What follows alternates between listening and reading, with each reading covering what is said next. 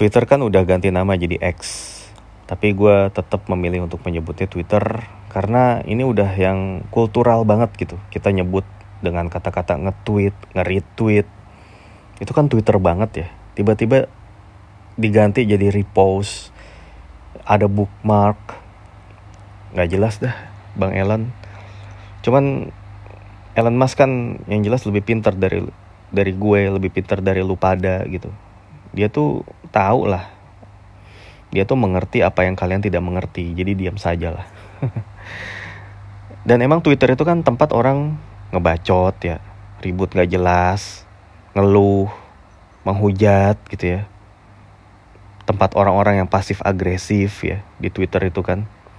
Tempat orang-orang yang gahar gitu ya. Gahar di media sosial tapi pas ketemu langsung ternyata culun gitu Twitter kan emang menyediakan dunia seperti itu. Kayak seperti dunia alternatif lah di mana lu tuh bisa jadi jagoan. Padahal di ke kehidupan nyata lu tuh menyedihkan gitu. Itu bisa di Twitter emang kayak gitu. Gitu. Buat orang-orang seperti itu Twitter emang bisa sangat berharga sekali ya. Tapi anyway uh, di Twitter pun juga banyak sekali percakapan yang meaningful yang kemudian worth contemplate gitu. Yang bagus untuk direnungkan. Dan salah satunya yang kemarin gue lihat banget tuh ada salah satu yang nge-tweet gini. Untuk kalian yang waktu SMA atau kuliah tuh ambisi tapi terus kemudian karirnya biasa-biasa aja hidupnya biasa-biasa aja apa yang terjadi pada kalian? Nah terus ada yang nimpalin gini ada yang jawab ibarat lari maraton ya 42 km 21 km pertama itu memang cepat memang diisi dengan sprint tapi terus kemudian ngerasa capek aja. Capek kompetisi capek dikejar-kejar dan lain-lain. Dan akhirnya lama-lama ya menormalisasi aja hidup dengan biasa-biasa aja dan merasa cukup. Gitu. Dan berdamai. Gitu.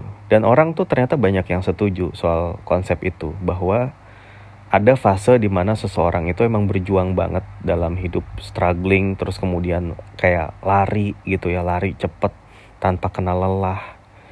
Tapi ada titik di mana dia tuh ngerasa udah gue cukup sampai di sini. Ya tapi ada juga orang yang emang nggak pernah berhenti gitu. Udah gue lari terus hidup itu emang perlombaan. Life is a race. Kayak lu nonton uh, film Three Idiots tuh si uh, virus ya si dosennya dia. Eh rektor ya. Rektor. Life is a race. Gitu. lu harus berkompetisi mengalahkan yang lain. Lu harus menyingkirkan lawan-lawan lu. Ya kan kultur kapitalis kan memang banyak mengajarkan orang untuk itu ya. Mengumpulkan kekayaan menyingkirkan orang-orang yang dianggap sebagai lawan menginjak-injak anak buah gitu ya. Terus kemudian uh, pamer harta dan materi itu jadi sesuatu yang paling penting gitu. Yang materi itu adalah hal yang bisa lu gunakan untuk menilai seseorang gitu. Kalau orang itu kaya orang itu berhasil ya dengan indikatornya punya mobil banyak mobilnya mewah punya rumah yang megah suka jalan-jalan ke luar negeri itu kayaknya lu hidup lu tuh bener banget gitu Sementara orang yang ngejalanin hidup dengan biasa-biasa aja, terus hidupnya juga frugal, terus um, ya low key aja gitu, low profile, itu dianggapnya orang yang nggak berhasil dan orang yang biasa-biasa aja dan orang yang nggak dipandang jadinya gitu. Beda dengan orang yang hidupnya tuh flashy, ya outspoken gitu ya, outspoken dan senang membicarakan pencapaian itu kayaknya jadi jadi orang yang sosok yang disukain gitu tapi memang kalau gue juga perhatikan gitu ya beberapa anak-anak yang dulu tuh juara kelas ya bukan pinternya pinter nanggung ya tapi emang pinter beneran dengan bukti juara kelas dan konsisten juara kelasnya gitu. Bukan yang cuma sekali-sekali juara kelasnya. Itu emang agak beda sih hidupnya gitu. Agak beda hidupnya hmm, di mana kan mereka udah biasa kerja keras belajar keras gitu di saat teman-temannya itu main karaokean ngeband main bola gitu kan. Mereka tuh belajar kelompok atau belajar di bimbel gitu. Mereka tuh weekend belajar sampai malam belajar. Nah akhirnya jadi pas lagi ujian mereka wah gampang nih soalnya udah biasa gue temuin gitu. Dan akhirnya orang-orang seperti ini tuh selalu dapat sekolah favorit ya. Kuliah juga masuk kampus favorit terus kemudian uh, mereka kerja bisa jadi mereka juga usaha. Ya tapi biasanya mereka orang-orang yang seperti ini tuh emang mereka yang bagus mengikuti sistem. Jadi biasanya ya orang-orang yang secara akademis itu bagus dan juara kelas itu mereka lebih nyaman kerja sama orang lain mengikuti sistem lagi gitu. Dan akhirnya mereka uh, ketika mereka masuk ke sistem yang besar tidak semua dari mereka itu yang kemudian bisa mencapai karir dengan level yang tinggi bisa jadi kemudian mereka merasa cukup di situ gitu dan akhirnya yang yang ngebalap mereka yang jadi atasan mereka itu orang-orang yang justru tidak lebih pinter dari mereka waktu sekolah gitu. Kita kan sering ya ngedenger orang-orang tuh yang mengglorifikasi seperti itu dan biasanya boomers tuh. Wah padahal dia lebih pintar dari saya waktu kuliah tapi sekarang dia anak buah saya. Itu kan kayak seolah-olah ngeremehin banget ya dan kayaknya ngebanggain diri banget ya. Terus ada juga kayak yang suka bilang, wah dulu mah gue waktu kuliah kerjanya cabut gitu kan, IP gue juga kecil. Ya tapi sekarang gue punya perusahaan gitu ya dia jadi karyawan gue tunggu sebentar pelan-pelan pak supir gue sih nggak mau ya terjebak dengan stigma-stigma itu. Gue nggak mau yang namanya mendikotomikan bahwa hidup yang sukses itu adalah lu jadi bos dan orang yang pinter itu jadi anak buah. Lu yang dulu malas kuliah sekarang sukses sementara orang-orang yang yang rajin kuliah pencapaiannya di bawah lu dan kemudian lu merasa terlalu bangga gitu over proud. Dan seperti merasa atau seperti ngelihat bahwa ah udahlah nggak usah serius-serius belajar ya ntar juga lu ada saatnya lu bisa nemuin passion lu dan kemudian lu lari di situ dan lu bisa ngebalap mereka gitu ya oke okay. itu kan kalau ya semua itu kalau pada kenyataannya lebih banyak orang yang nggak pinter yang kemudian nggak sukses secara materi. Lebih banyak orang yang keseok-seok karena dulu sekolahnya nggak serius. Dibandingin orang yang yang tadinya sekolahnya nggak serius atau bahkan di DO terus jadi orang sukses. Gitu. Dapat poin gue nggak? Jadi maksudnya gini, lu nggak bisa kayak menggeneralisir bahwa alah nggak usah lah pinter-pinter sekolah nggak usah serius-serius belum tentu mereka itu lebih sukses dari lu gitu enggak karena apa itu itu karena yang lu pandang sebagai kesuksesan itu materi. Lu yang lu kejar materi. Jadi lu ngerasa oh gue lebih sukses dari lu gitu. Padahal lu lebih pintar dari gue tapi gue lebih kaya dari lu berarti gue lebih sukses dari lu. Nggak gitu juga. Pertama menurut gue singkirkan pandangan itu. Karena emang sukses itu tidak hanya materi. Artinya gini, sukses itu merasa cukup sih menurut gue. Lo tuh bisa dikatakan sukses kalau lo merasa cukup dengan apa yang lo hasilkan dan kemudian lo bisa mengendalikan hidup lo gitu. Lo bisa bangun tidur, oh, ah gue hari ini ini ah, ah gue hari ini itulah.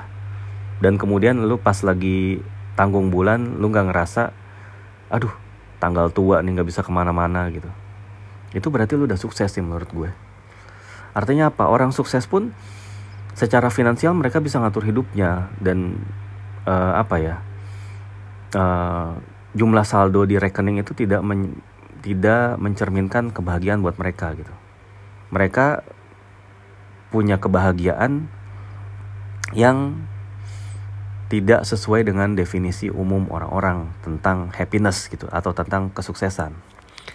Sementara orang yang orientasinya cuma duit, yang orientasinya cuma uh, harta gitu ya, ya mereka terus akan berlomba-lomba. Mereka hidup mereka nggak akan happy, nggak akan damai, nggak akan bisa tenang karena selalu insecure dengan melihat dan membandingkan pencapaiannya dengan orang lain gitu. Aduh, misalnya dia udah ngerasa puas ngalahin juara kelas di sekolah dia gitu terus dia ngelihat lagi temen circle-nya yang lain aduh kok dia punya mobil Lexus ya sementara mobil gue masih Pajero gitu ah kok dia dia punya Alphard ya? Mobil gue baru Nissan Serena gitu misalnya. Oh langsung dia langsung kerja lagi karena tertekan dengan itu. Terus kemudian pada pertemuan berikutnya oh gue udah beli Alphard nih gue udah sejajar sama lu gitu. Ya gitu terus tapinya. Tapi percayalah orang-orang seperti itu pun juga akan berhenti pada akhirnya. Orang-orang yang cuman menilai sukses dari harta atau orang-orang yang suka meremehkan orang-orang yang ambisi dan pintar pada saat sekolah dan kuliah itu juga pada akhirnya nanti akan berhenti. Akan ada saatnya berhenti berdamai dan kemudian mereka akan ngetawain perilakunya sendiri nanti gitu loh.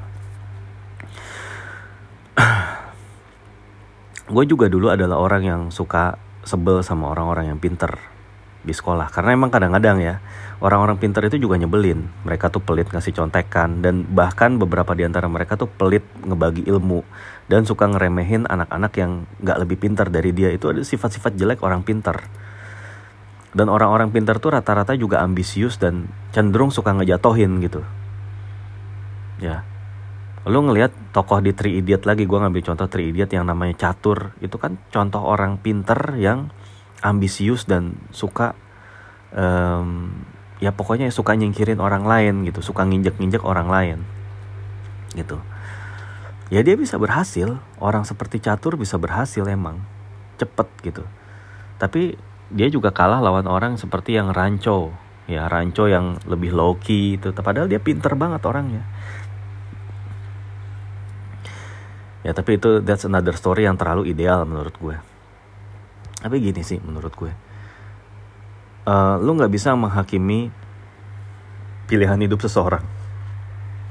Gitu ya. Dan lu harus membiarkan orang itu ya hidup dengan pilihannya tapi juga sekaligus menanggung sendiri konsekuensinya. Ini kan ya kita kan hidup di era di mana kita itu punya banyak tanggung jawab ya. Punya banyak uh, kebutuhan gitu. Di persaingan yang keras ini kita juga kadang membantu orang orang-orang di sekitar kita butuh bantuan kita. Terus kita juga sering dengar soal generasi sandwich dan bisa jadi kita mengalami yang namanya fenomena generasi sandwich itu dan kita nggak punya pilihan lain apa-apa. Walaupun kadang-kadang yang kita bantu itu adalah om atau tante kita atau pak dia bude kita yang kalau lebaran tuh suka nyebelin gitu ya. Kalau lebaran tuh suka uh, sok-sok ngejudge ngapain kamu kerja di situ? Mendingan kamu kerja di sini tuh di sini di sini gitu. Ngapain kamu di situ? Ujung-ujungnya lu minta bantuan juga sama orang itu. Misalnya gitu ya.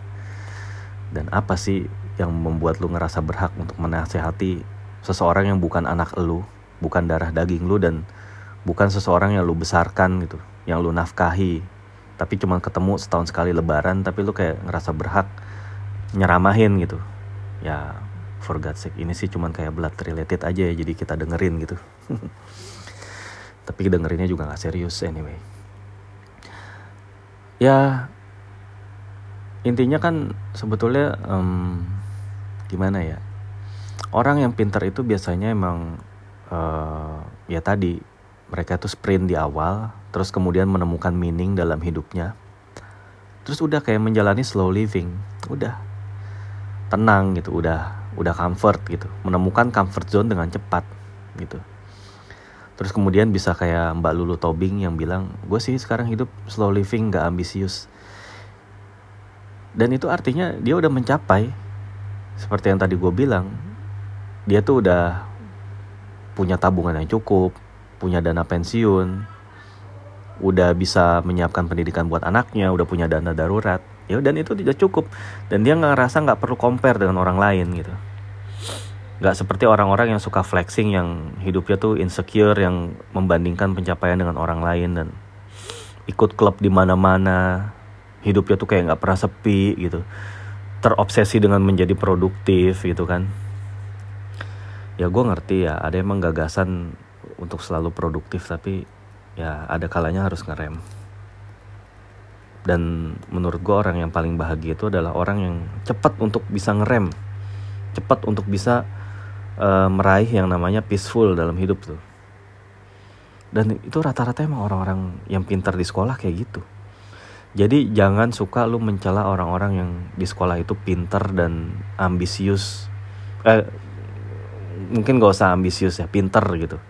Karena kadang-kadang ambisius itu maknanya bisa negatif orang-orang pinter yang low yang baik gitu yang nggak pelit ilmu gitu tapi hidupnya biasa-biasa gue gue lebih appreciate. Daripada orang-orang yang begajulan banyak gaya terus mereka jadi sukses dan mereka belagu terus mereka nikah lagi dan lain-lain. Gitu ya. Ya mendingan lu jadi orang yang pinter sekolah akademis terus culun cupu dan segala macam hidup bahagia biasa aja dengan kondisi ekonomi yang cukup aja buat mereka gitu. Daripada hidup yang sepertinya tidak terkendali yang lu nggak bisa kendalikan. Lu banyak duit tapi lu nggak bisa nikmatin. Lu banyak duit tapi anak lu narkoboy dan segala macam ya gitu sih. Menurut gue orang yang pinter itu tahu bagaimana cara menyeimbangkan gitu. Menyeimbangkan diri mereka dan mereka tuh udah memetik hasilnya duluan gitu. Karena mereka udah nanam lebih dulu jadi mereka tuh memetik lebih dulu gitu itulah yang sebenarnya gue iri dari orang-orang itu. Karena gue sendiri pun di hidup gue gue tuh termasuk golongan yang santai. Waktu kuliah dan waktu SMA dan kuliah gue tuh nyantai kebanyakan main. Terus waktu gue kerja gue kerja di tempat yang mengharuskan gue untuk ambisius sehingga gue tuh sering lembur sering pulang pagi ya. Dan sampai sekarang ya gue masih kadang melakukan itu karena emang gue butuh dan gue harus dan gue punya tanggung jawab. Dan walaupun gue bersyukur dengan kondisi bahwa sekarang gue udah ada di uh, posisi yang oke okay lah yang ya bisa dibilang nggak jelek-jelek amat gitu. Tapi gue masih belum bisa mencapai kebahagiaan dan ketenangan itu karena ya klasik sih kebutuhan banyak gitu. Kebutuhan banyak tanggungan banyak tanggung jawab banyak jadi ya pergumulan ini memang masih terus berjalan. Ya udah sih gue rasa itu aja. Thank you ya